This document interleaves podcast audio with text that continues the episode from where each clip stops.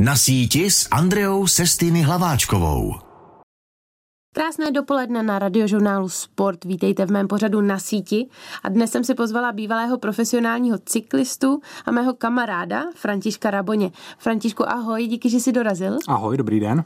Františku, začnu uh, malinko z historie, ač to neúplně často dělám, ale vrátím se k tvým cyklistickým začátkům. Vlastně kdy vznikl ten moment, kdy jsi si uvědomil, že chceš být cyklista?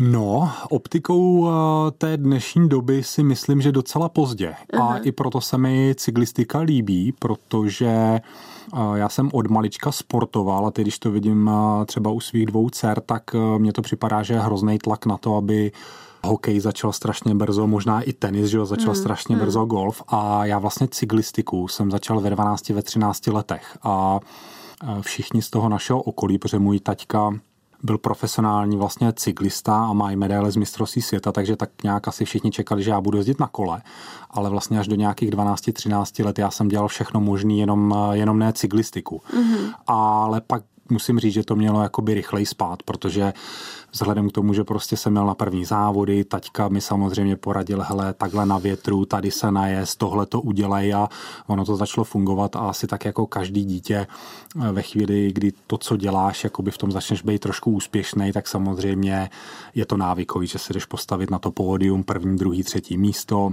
a pak už vlastně nějak jako nebylo cesty zpět. Ten všeobecný sport, to mi zůstalo až do dneška, ale mm. od těch 12-13 vlastně ta se to dost, jako by ta specializace už se okleštila hodně na tu cyklistiku. Ptal jsi se někdy táty na to, jestli to byl jeho cíl, jestli věděl přesně, co dělá, že tě chce do 12 udržet takzvaně v takovém tom eh, globálním jako sportovním přístupu a pak tě vyspecializuje?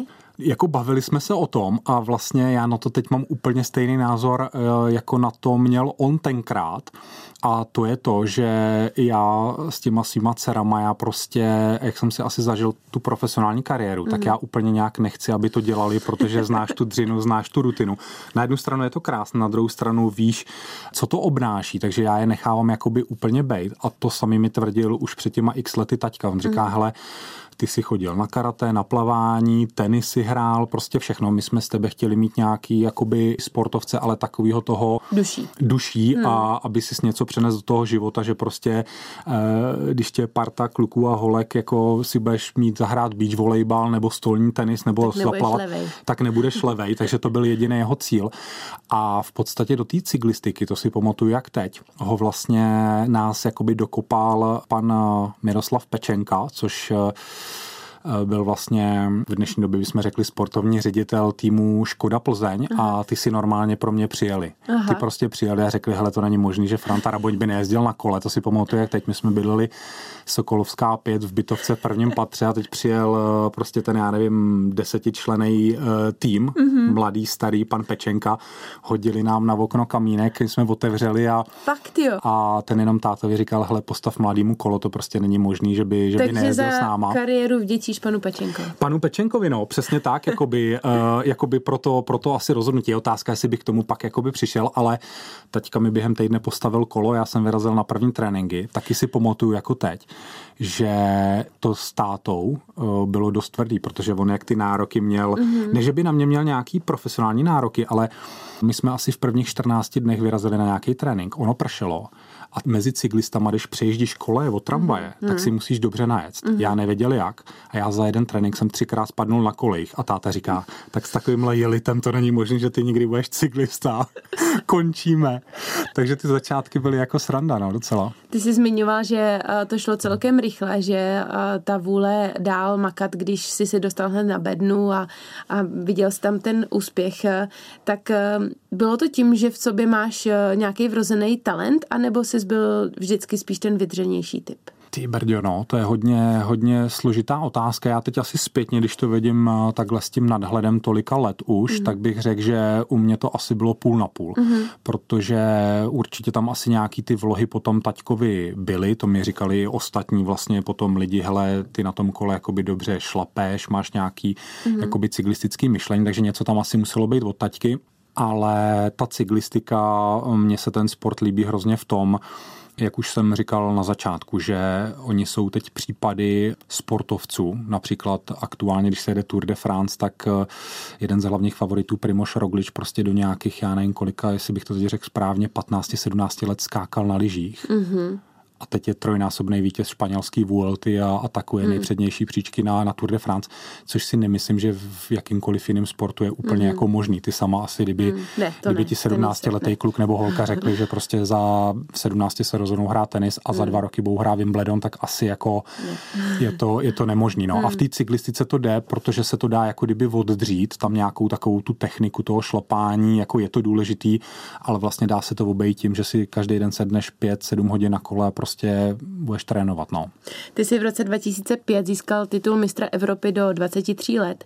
A jak moc tenhle titul byl klíčový pro tvůj vstup mezi profesionály? No zásadní, mm-hmm. zásadní, protože já tu sezonu 2005, což byla moje poslední v té kategorii do 23 let, která v té cyklistice se bere tak jakože takový ty talenti nebo ty naděje. A já tu sezonu celou jsem měl extrémně jakoby dobrou, že jsem vyhrál spousty závodů, byl jsem mistr republiky jak v časovce, tak na silnici, Vedl jsem vlastně v cyklistice je mm, takový bodování jakoby Europe Tour, tak v určitou část, myslím si asi v květnu, já jsem to průběžně ved a díky tomu, že se mi podařilo věc ten titul uh, mistra Evropy, tak uh, to mi vlastně otevřelo dveře potom do T-Mobileu a, a dál do těch pater té nejvyšší cyklistiky. No. Na radiožurnálu Sport mám dnes bývalého profi cyklistu Františka Raboně. A Františku, jaký byl ten tvůj start v tom eh, profi pelotonu a ve stáji T-Mobile? No, obrovský. Ty pocity teď, když o tom přemýšlím, tak se mi to teď zase všechno promítá v té hlavě úplně neuvěřitelný, protože z toho týmu, z kterého já jsem přecházel, což byl vlastně český tým, v té cyklistice to je rozdělený jako kdyby na tři divize. Třetí, druhá a ta první, ta nejvyšší, ono to má svý jména, mm-hmm. ale pro diváky takhle vlastně třetí, druhá, první. A moc se úplně nestává, že by někdo jako přeskočil tu druhou mm-hmm. a šel mhm. rovnou jakoby eh, z té třetí divize, což ten český tým byl, do té první.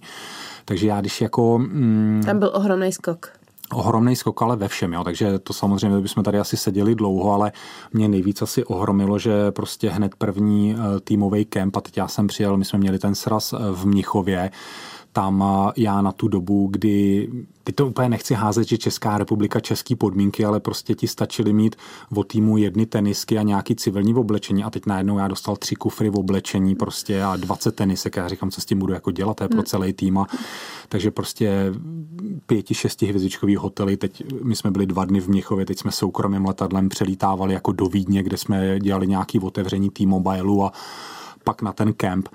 Takže na mě to dechalo, ať tou jakoby velikostí, co se kolem toho děje, ten jako mediální zájem a, a všechno dookola. A samozřejmě i ten fakt, že ta stáj tou dobou byla jedna absolutně z nejlepších na světě, takže já jsem se tam vlastně potkal s těma svýma idolama, na kterých já jsem vyrůstal a oni pomalu končili tu svoji kariéru. Takže to jako na mě zapůsobilo obrovsky a vlastně co mě taky hodně poznamenalo, že hned po čtyřech měsících toho svého angažma já jsem měl Giro d'Italia, což pro mě teď zpětně byl takový, jako bych řekl, asi osudový závod, protože mě se tolik líbil, já jsem ho jel pětkrát, díky tomu jsem asi pravděpodobně nikdy nejel Tour de France, takže ten první rok eh, v tom týmu balu, ten začátek, tam těch, jako to by asi bylo jako na knížku, no. já jsem dokonce četla, že jsi měl prý uh, strach, že ti zpětně přijde nějaká faktura. jo, jo, jo, jo, jo, to je pravda, no, to je, ten příběh, to je zajímavý, já jsem vlastně v tom, jak tam všechno fungovalo na obrovský úrovni, tak my jsme od uh, jedný z německý značky prostě dostali auta, který jsme měli gratis a mě tam tenkrát ves eh, můj dědeček, který uměl jakoby německy, takže jsem si ho vzal sebou. A ten samozřejmě tím, že vyrůstal v komunismu, tak Nevěřil. my jsme si na recepci vyzvedli klíče, teď oni v oběd všechno, že nám dali auto, jedeme a on furt, kdy přijde nějaká faktura, to budou chtít zaplatit, to není možné, že by ti někdo něco dával zadarmo. Teď on mě tak vystresoval, že já jsem si říkal, no sakra, to, to bude jako to bude problém, že já takovýhle auto nepotřebuju. Takže no, tam to bylo všechno bláznivý trošku. Ty jsi zmiňoval, že jsi vlastně byl v týmu a hlavně kolem tebe a v přítomnosti tvých idolů a lidí, s kterými jsi vlastně mm, vyrůstal jako a třeba možná i tvoje vzory. V té době pelotonu vládli velikáni 90. let. A Jan Ulrich, Lance Armstrong, další. Jsi rád, že jsi zažil právě tyhle časy v cyklistice. Jaký to vlastně bylo? Jo, jsem určitě rád, no, hmm. protože přesně ty, já jsem na nich vyrůstal. U těchto dvou, když se zmínila, tak samozřejmě ten cyklistický svět je rozdělený jakoby na dva světy. Ten jeden je, že, že všichni vnímají jakoby prostě nějaký úplně ikonický závodníky té doby, že jo, Lance Armstrong s těma vítězstvíma. Ta druhá stránka je samozřejmě ta stina, eh, že v těch devadesátkách eh, tam bylo asi spousta, nebo ne asi, určitě tam bylo eh, hodně dopingových afér a tohle a zrovna tihle dva závodníci tím byli poznamenaný. Takže já když na to dostávám dotazy, tak se na to strašně těžko odpovídá, protože když na někom vyrůstáš a máš ho v hlavě, tak si to prostě z té hlavy nevytlučeš. A to, jestli teď Lance Armstrongovi prostě vzali nějaký tituly a on už nefiguruje v těch knížkách, tak eh, to je jako jedna věc, ale já si to z té hlavy nevymlátím, že jo. Prostě jsem je sledoval, takže to je, to je strašně těžký a vlastně díky tomu jsem rád, že jsem s ním asi mohl zazávodit. Na radiožurnálu Sport si dnes povídáme s Františkem Raboněm, naším bývalým cyklistou, který zažil ty nejslavnější doby v profi pelotonu, ale zároveň by mě zajímalo, jak právě vnímáš tu stinnou stránku, o který jsi mluvil. To, že si vlastně zažil dobu, kdy uh, cyklistiku minimálně teď zpětně uh, zastínuje jeden dopingový skandál za druhým. Hmm. No já bych řekl, že asi jsem měl to velký štěstí, že mě ta doba, ta asi bych řekl možná ta nejtemnější, tak mě vlastně jako by lízla. Mm-hmm. Jo. Jsme se bavili o tom eh, svým prvním roku v T-Mobile, já když teď budu upřímný a nejsem samozřejmě hloupý a když jsem si čet ty eh, knížky a čteš si nějaký ty reporty, tak si dáš dvě a dvě dohromady, že vlastně ten rok, kdy já jsem nastupoval u profíků 2006, tak ten rok vlastně bouchla, když to tak řeknu, ta operace Puerto, mm-hmm. V který eh, vlastně zůstalo díky tomu dopingovému skandálu spousta těch hvězd té doby. Eh, Jan Ulrich tam byl, ale Ivan Baso a další a další. Takže já samozřejmě nejsem eh, hloupej v tom, že asi v tom roce 2006 pravděpodobně v tom týmu něco muselo jako mm-hmm. probíhat.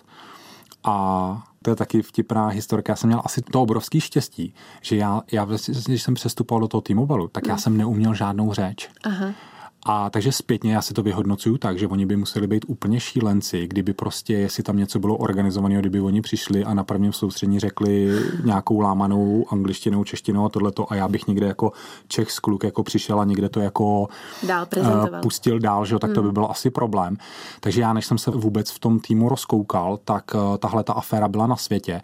A proč jsem říkal, že, že to jako by lízlo, protože od té doby vlastně v tom T-Mobile, i když ten tým pokračoval dál, tak se kompletně všechno jakoby změnilo změnilo mm-hmm. a v té cyklistice se dospustila taková revoluce a od dalšího roku my třeba konkrétně v našem týmu, my jsme si z našich platů museli platit kromě cyklistický jakoby UCI a VADY, která vlastně dělá to dopingový, antidopingový testování, tak eh, my jsme si ještě najali světoznámou jakoby agenturu, mm-hmm. která vyšetřovala případy jakoby amerických sprinterů Marion Jonesový a Morise Greena a, a vlastně ty nás testovali ještě extra, takže já si pamatuju, že třeba tu sezonu 2007 2007. Já mm-hmm. jsem mhm. měl na to, že jsem nebyl žádná hvězda, která by vyhrála hodně závodů, tak já jsem měl přes 50 antidobikových testů za sezónou. Mm-hmm.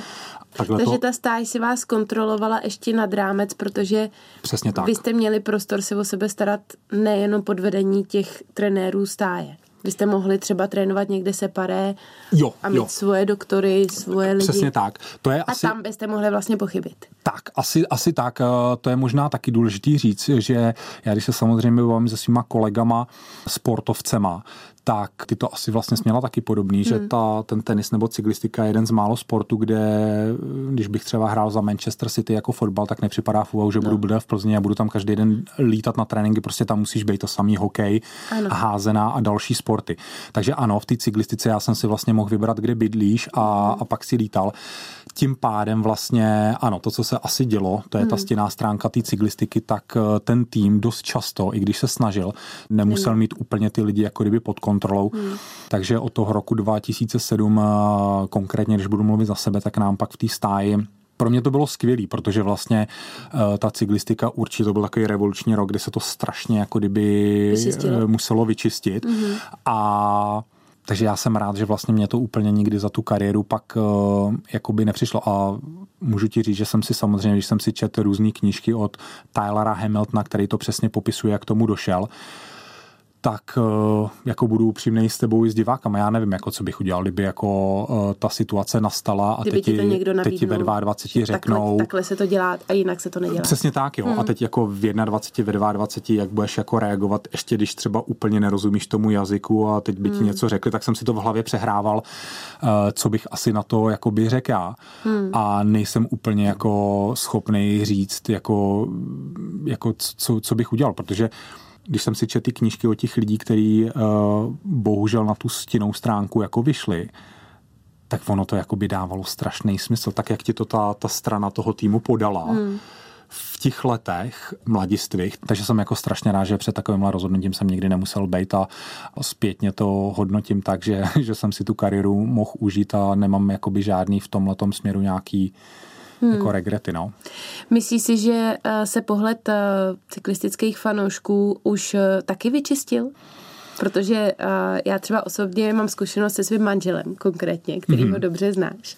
A my jsme spolu 12 let a na začátku toho vztahu, když jsem zmínila blízkého kamaráda uh, Romana Krojcigra a tebe a, a vůbec cyklistiku jako takovou a v době kariéry jsem uh, jí sledovala, uh, Tour de France konkrétně třeba si pamatuju i konkrétně z kterých turnajů, mm-hmm. tak uh, on nechápal to, že to obdivuju mm. a že ten sport mi přijde něčím fascinující a měl přesně ten pohled toho člověka, kdo řekne, eh, cyklisti jo, ty prostě dopingujou a to vůbec není prostě sport. A myslíš jelikož jemu se ten názor změnil hmm. po ten čas, tak myslíš si, že většině fanoušků už se to trošičku vyčistilo?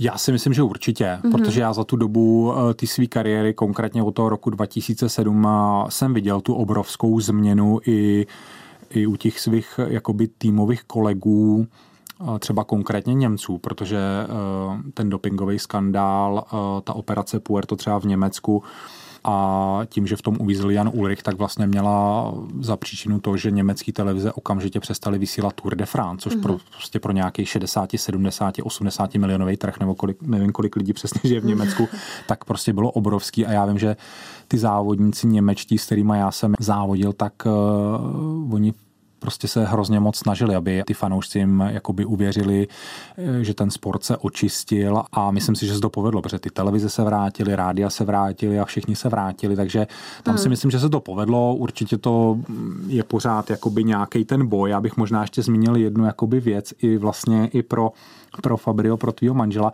Mně vždycky bylo hrozně líto jakoby ty cyklistiky v tom světle, i tak, jak jsme to teď popsala, že byli vlastně všichni hozeni do stejné škatulky, jo? ale ono, když si představí, že v cyklistice a podíváš se na nějaký čísla, že cyklistům v té nejvyšší lize prostě v tom proturu bylo děláno 10 tisíc testů ročně a teď hmm. oni v tom uvízli jako dva lidi a teď to bylo hozený na všechny, že všichni dopujou. Jo. Hmm. A teď já třeba jsem velký milovník amerických sportů a, a spousta uh, známých, který vlastně ať tam hráli nebo prostě tam třeba studovali, tak některé ty soutěže vůbec nemají dopingové testy, ano, jo. Takže ano. ono, když jako uděláš nula testů, tak budeš mít nula pozitivních hmm. hmm. a v cyklistice z deseti tisíc jako dva pozitivní a bylo to hozený jako, že cyklistika musí být ten nejšpinavější sport. Takže hmm. určitě se očistila ale zase si nemyslím, to že to bylo tak, uh, tak hmm. jako katastrofický, tak jak to všichni házeli jo. na tu cyklistiku. No.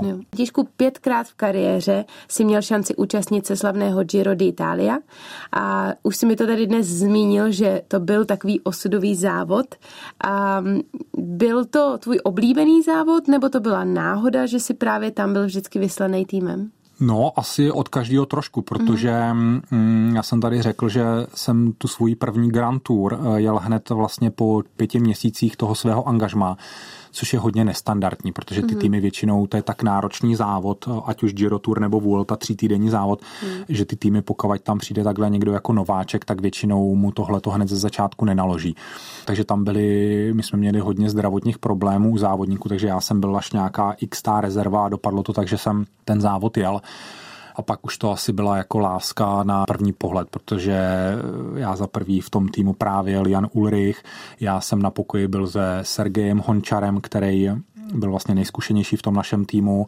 My asi po pěti etapách, teď už to nevím přesně, tak on získal ten ikonický Maglia Rosa, ten růžový dres, který je pro závodníka, který vede tu, tu celkou klasifikaci.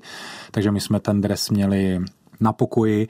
Já každý den jsem vlastně musel jezdit v čele toho peletonu a bránit ten dres a tam já jsem zažil něco, co jsem do té doby nezažil a myslím si, že se to dá asi srovnat jenom s Tour de France, kde jsem teda nebyl že v té Itálii to tak všichni jako milovali, že vlastně třeba 200 kilometrový etapy z města do města za 200 kilometrů tam nebyl úsek 2 metry, kdyby byla přerušena jakoby špalír těch lidí. Jo. Wow. Takže prostě mm-hmm. tady, když jsem měl závody v Čechách, v Polsku, nebo když jsem začínal, tak samozřejmě, že jo, byli diváci v cíli nebo v kopci hmm. a, a bylo to jako fajn, ale hmm. tohle pro mě bylo tak šílený.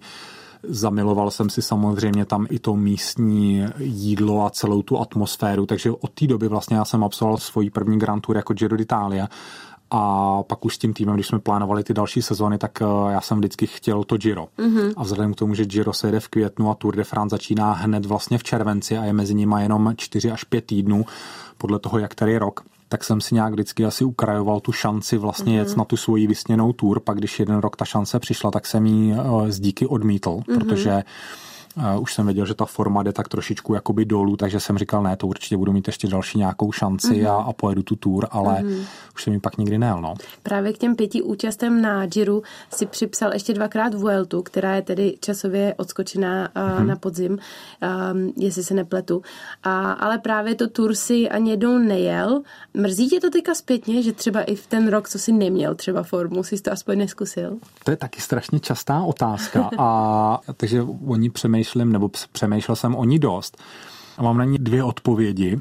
A jedna, že mě to vůbec nemrzí, protože prostě já jsem jel ty největší závody na světě, Jezdil jsem i ve Francii přípravný závod na Tour de France, Criterium eh, du Dauphin Libéré, který se vlastně jede mm, hodně v Alpách, takže ty ikonické kopce Mont Ventoux, Col de Galibier, tak eh, ty já jsem jezdil, takže jsem si zažil jako kdyby tu atmosféru, ale vzhledem k tomu, že já jsem někdy úplně jako mi Francie nepřirostla k srdci a ty lidi mě tam jako by hrozně vytáčeli, jak byli nepohostinní a tohle, tak eh, mě to fakt jako vůbec nikdy nevadilo. Mm-hmm ale čím více na to lidi samozřejmě ptali v průběhu kariéry a teď i po kariéře, tak řeknu jedno malý ano, že mi to vadí jenom kvůli tomu, abych jako jim mohl udělat radost, protože hmm. mezi sportovcema třeba s tebou, tak ty určitě, že ho budeš vědět to povědomí o Giro nebo o Vueltě, že jsou to hmm. minimálně tou zátěží jako hodně vyrovnaný závody hmm. a ta hmm. tour je prostě nejstarší, nejsledovanější. Takže jenom bych prostě asi chtěl říct, jo, jel jsem jí, aby mm-hmm. i, i ty lidi, kteří se mě na to zeptají, vy jste cyklista, jel jste někdy tour. Ano tak abych jim to asi mohl říct, tak. aby mě měli mezi jako nějakým jako cyklistou, který něco dokázal, ale hmm. jako pro mě osobně a sportovně je mi to vlastně zpětně foukno. Mě překvapilo eh, na cyklistice, když jsem se o ní poprvé před eh, lety začala zajímat, jak moc je to vlastně týmový sport. Mm-hmm. A to by mě v životě nenapadlo. Ty jsi měl většinou eh, pozici domestika. Mm-hmm. Neměl jsi přece jenom někdy touhu, aby se jelo na tebe? Jako ve snech, jo, samozřejmě. Mě vždycky překvapuje u některých těch sportovců, jak eh, oni v těch rozhovorech řekne, no tak o, o tomhle se mi opravdu ani nezdálo, jo. Já nevím, já jsem trénoval a nevím, jestli to je daný tím, že při těch sedmihodinových tréninkách jako musíš přemýšlet o všem. Tam dost času. Ale já prostě na tréninku, ale pozor, jo, to nebyly jako, že bych o tomhle tom přemýšlel ve 13, v 15 letech, to prostě v 7 a v 28 jsem měl na tréninku a najednou v kopci prostě jsem měl nějaký intervaly, jelo se mi dobře a hmm. prostě jsem si představoval, jako, že vyhrávám etapu a tohle, takže já jako ty sny jsem měl docela živý, ať už hmm. jako, že jsem vyhrával uh, Paříž Roubaix nebo Tour de France a jaký by to bylo a tohle prostě, to, to, to říkám otevřeně. Takže jo, měl jsem, ale na druhou stranu ty v těch týmech hrozně rychle zjistíš jako kdyby tu hierarchii a já mhm. jsem měl teda takový štěstí na týmy, že za prvý byli jakoby mezinárodní, že nás tam bylo spousta národností a já jsem se vždycky s tím týmem jakoby skvěle domluvil, že některé ty menší závody jsem si mohl jet na sebe a tu chvilku té slávy jsem si jako zažil na některých těch závodech, který mm. jsem vyhrál a porazil jsem ty největší velikány té cyklistiky nebo té doby ale pak zase na druhou stranu vedle sebe máš prostě absolutní světovou hvězdu a víš, že je potřeba pomoc, tak mi absolutně nedělalo jako problémy, že, že jsem prostě pomáhal. No. Když jsme u té světové hvězdy, tak eh, určitě asi uh, myslíš i na Marka Cavendishe, kterýmu uh, mm-hmm. si vlastně dělal domestika. Je to několikanásobný vítěz etap na Grand Tour. A jaký on byl jako parťák týmový? No. Neříkej mi, že se šplháš do kopce prostě pliveš krev a, a děláš to pro někoho, koho jako pak třeba mimo kolo nemůžeš vystát. Jo, tak pokud to řekneš takhle, tak samozřejmě, jak říkám, my jsme měli obrovskou, nebo já jsem měl obrovskou výhodu, že jsem jezdil v mezinárodních týmech a za to jsem zpětně jakoby strašně rád, protože ten jeden rok, který byl extrémní, tak my jsme z 29 závodníků měli asi 19 národností. Takže mně se na tom strašně líbilo mm, to, že vlastně tam byl hlavní jazyk angličtina a nebyly tam žádný jakoby skupinky. nějaký skupinky. Mm-hmm. Jo. Mhm. Když, to, když mi říkali spousta kolegů, který třeba byl jediný cizinec ve španělském týmu, mm. mělo to super efekt na to, že si se během dvou měsíců naučil tu řeč, to mm. je mhm. jako super, ale na druhou stranu některá ta mm. mentalita prostě jako byly tam jakoby rozdíly. Takže v tomhle já jsem to měl výborný a konkrétně u toho Marka Cavendishe my v tom roce 2006-2007, my jsme v tom týmu T-Mobile byli nejmladší závodníci, takže oni nás dávali pořád spolu na pokoj jako, mm. jako bažanty a já vlastně z té své devítiletý kariéry m, mm, u profíků, tak jsem osmiletý, osmiletý, omlouvám se, osmiletý, tak jsem sedm let strávil s Markem Cavendishem v týmech, takže tam my jsme si samozřejmě nějaký vztah vybudovali a jo, máš pravdu, že já bych to asi dělal stejně, protože je to profesionální, takže když ti řeknou, pojedeš na tohle mm-hmm. a nemusíš ho, tak bych to určitě udělal, ale v těch týmech, kde já jsem byl, tak byla obrovská výhoda to, že jsme ještě drželi jakoby parta pospolu, takže to bylo jako jednodušší. No. Mark Cavendish konkrétně letos eh, tour nejede, mm-hmm. a přestože vyhrál Giro, je to mm-hmm. tak? Um, nemyslíš si, že to je škoda, že ho nepodcenili v Quickstepu? Je to škoda, ale já bych se bejt uh, týmovým manažerem Patrikem Lefevrem, já pro ten tým, vlastně my jsme tam s Markem mm-hmm. Cavendishem jezdili, tak bych se rozhodl úplně stejně. No. Je to opravdu hodně tvrdý a uh, závodník, který ho oni tam poslali místo Marka Cavendishe, tak na Tour de France už vyhrál etapu, jel v zeleném drezu, takže teď mm. samozřejmě asi někdo to, to rozhodnutí nemůže moc pochybnit. No. Na radiožurnálu Sport je se mnou dnes František Raboň, bývalý profi cyklista a mistr Evropy do 23 let. Zažil skvělou kariéru v profi pelotonu a po kariéře se přesunul jen o kousek dál a to do světa cyklistických drezů. A celkově si vlastně v cyklistice eh, zůstal eh, po mm-hmm. kariéře, tak eh, vlastně kterým směrem tě to vedlo? Co si všechno stihnul od té doby, co jsi slezl z kola? No, asi si myslím, že docela dost věcí. Máš pravdu, že jsem zůstal vlastně u té cyklistiky, i když to nebyl úplně nějak můj jakoby plán. Mm-hmm. Jediný můj plán ke konci té kariéry byl ten, abych vlastně tou kariérou byl natolik zajištěný, že budu mít svobodný rozhodnutí o tom konci kariéry. Mm-hmm. Že se já rozhodnu, jestli skončím, jestli přišla dobrá nabídka nebo ne, nebo jestli už mě to nebaví. A to se mi povedlo a nechával jsem si otevřený dveře úplně všemu. A mm-hmm. nakonec to teda dopadlo tak, že ano, vlastně pracuji pro eh, českou firmu, která vyrábí eh, cyklistický oblečení mimo jiné, protože teď se na to nabalují ještě i nějaký další věci, ale je pravda, že to všechno zůstává spojený s tou cyklistikou a musím se přiznat, že to je asi jako jednodušší. Já jsem si říkal, že nebudu mít žádný předsudky, protože věřím tomu, že tu kariéru, tak jak jsem vybudoval, že jestli se takhle tvrdě a s takovým zapálením budu věnovat úplně čemukoliv, jako hmm. ve stavařství hmm. nebo já nevím co, hotel nebo opravdu nevím cokoliv, takže přece není možný, abych jako v tom neuspěl, ale na druhou stranu za tu kariéru, když jsi v nějaký profesi tak dlouho, máš ty kontakty, tak vlastně hned ten první rok týmí hmm. jako by nový práce, tak ty rozhodnutí, které jsem dělal a byly úspěšný, tak nebudu zastírat, že to je samozřejmě díky tomu, že tam mi pomohlo, že v té cyklistice každý ho znáš. Hmm. A aktuálně teda pracuješ ve firmě Kalaš, která vyrábí cyklistický drezy a vyrábíte drezy například i pro stáj velmi uh, úspěšného cyklisty Matthewa van der Poola. Hmm. Tak trošičku si nahrávám na smeč, ale málo nějaké specifické požadavky. Vůbec, vůbec. A tohle je taky dost častá otázka a tam je teda úplně neskutečný, že i za dobu týmí kariéry, já nevím, co se s těma lidma děje, ale čím větší seš hvězda, tak tím menší ty požadavky. My mm-hmm. se ho mhm. furt ptáme, protože on je zrovna ten, pro kterého bychom udělali první, poslední mm-hmm. a on má úplně standardní velikost a mm-hmm. nic nechce a v pohodě. Ale loni na tour tam něco bylo, ne?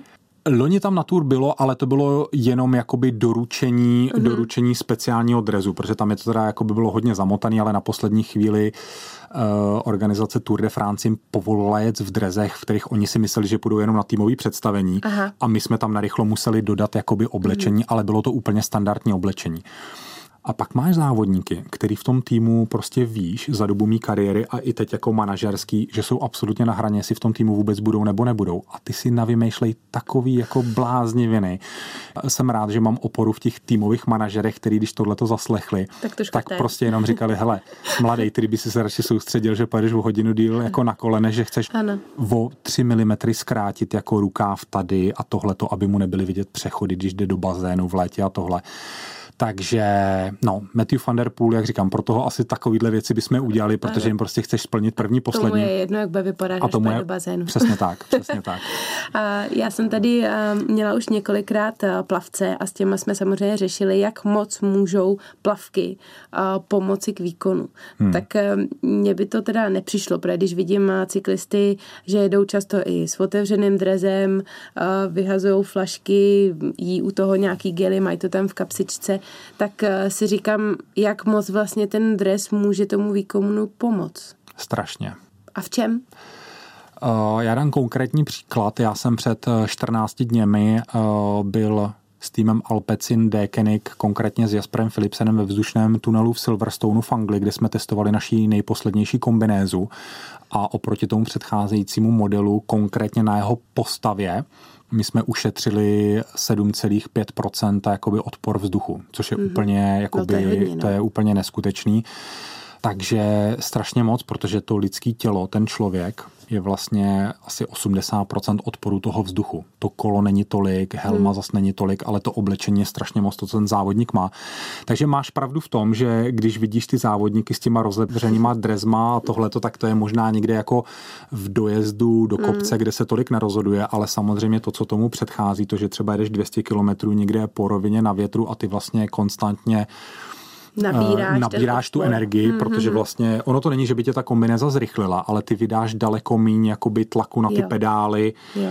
abys dosáhl té samé rychlosti. Takže... A jde teda o tvara nebo materiály? O všechno. O všechno. O materiál. A je to teda hodně samozřejmě náročný. O to se tady úplně nedá popsat, že, že by to byla jako konkrétní věc, ale dělá to opravdu hodně. No tak eh, když se ještě odkloníme od eh, té tvé aktuální profese, a tak eh, v těchto dnech si i expertem pro českou televizi při Tour de France. Aktuálně dneska mají tedy den volna, ale neustále jsi vlastně součástí cyklistického dění. Mm-hmm.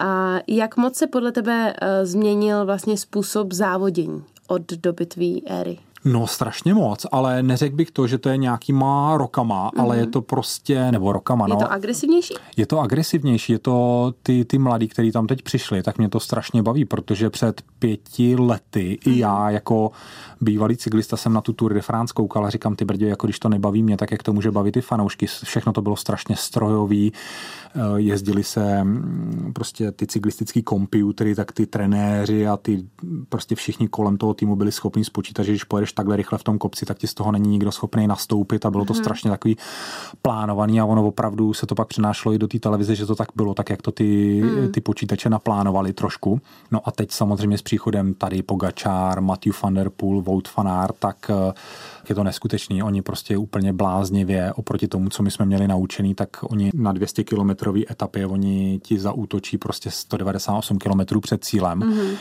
a je to úplně všechno na ruby. Ty diváky to baví, eh, sponzory to baví, všechny mm. to baví, takže ono po nějaký jedný, dvou sezónách, kdy to takhle zašlo před těma pěti lety, no tak eh, k této taktice, ty atraktivní přešly všechny týmy, protože jak sama dobře víš, tak eh, v tom sportu prostě hodně hrajou roli ty peníze a ty týmy prostě to takhle taky chtěli, eh, respektive ty sponzory to chtěli mm-hmm. a podle toho se pak zařídili i ty týmy, takže teď si myslím, že opravdu každý cyklistický fanoušek jako si tu cyklistiku, ať si zapne skoro jakýkoliv závod, tak se mu to musí líbit. No.